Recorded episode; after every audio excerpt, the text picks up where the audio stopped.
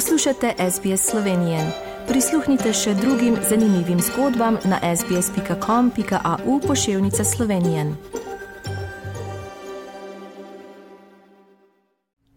Prijazen pozdrav, spoštovani rojaki. Na goriškem krasu so začeli odstranjevati lesno biomaso, ki je ostala po obsežnem julijskem požaru. Do 20. augusta bo treba tako odstraniti okrog 5000 kubičnih metrov zgorelega lesa in biomase, ki bi lahko bila netivo za nove požare. Do 1. oktobra pa bo po zagotovilih pristojnih izdelan sanacijski načrt za obnovo gozda po katastrofalnem požaru. Sicer pa na tukajšnjem političnem prizorišču že od začetka poletja vse bolj brbota pred jesenskimi predsedniškimi in lokalnimi volitvami. Zadnji, ki je tako denimo najavil kandidaturo za predsednika države, je nekdani zunani minister Ivo Weigl, ki ima za sabo pestro politično kariero. Weigl je nekdani član stranke Alenke Bratušek, samega sebe pa umešča kot levičarskega kandidata, čeprav je večino svoje politične karijere deloval v liberalnih strankah LDS in Zares. O sebi poveda, nikoli ni bil neoliberalec, ampak socialni liberalec.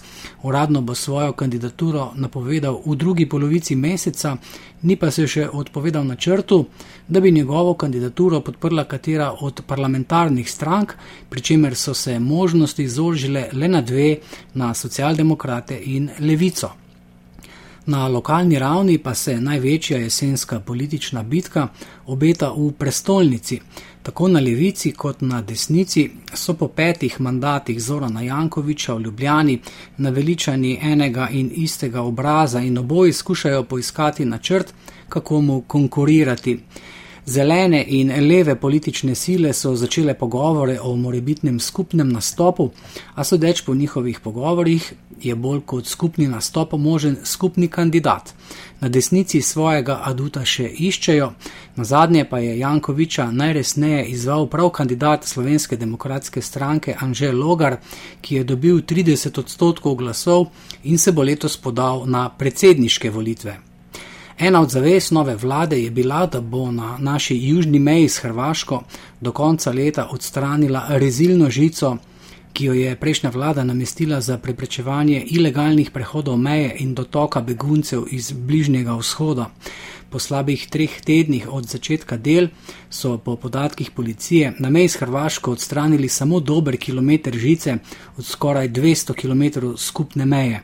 Toda po podatkih notranjega ministerstva želijo panelno žičnato ograjo županje nekaterih občin celo obdržati, spet drugi pa opozarjajo, da je sploh še niso postavili in zapakirana leži vse povsod naokrog. Na ministrstvu za notranje zadeve zdaj iščejo hitro rešitev za odstranitev ograje, izvajalec pa bo izbran na javnem naročilu.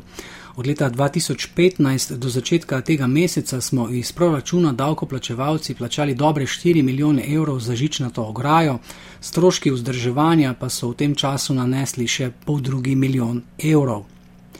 Za konec pa še novica, da ste bili od objave odločbe Ustavnega sodišča 8. julija, da je zakonska zveza življenska skupnost dveh oseb, v matični register upisani že dve zakonski zvezi, sklenjeni med istospolnima paroma. Istospolni pari se tako v Sloveniji lahko ponovem poročijo. Družinski zakonik, ki zdaj omogoča sklenitev zakonske zveze le dvema osebama različnega spola, mora državni zbor po odločitvi ustavnega sodišča popraviti v roku pol leta. Z odločitvijo ustavnega sodišča pa je možnost sklepanja zakonske zveze za istospolne pare de facto že v veljavi. To so bile novice za danes. Ostanite zdravi in vse lepo do našega naslednjega slišanja. Za SBS ali Šlednik. Všečkaj, deli, komentiraj. Spremljaj SBS Slovenijo na Facebooku.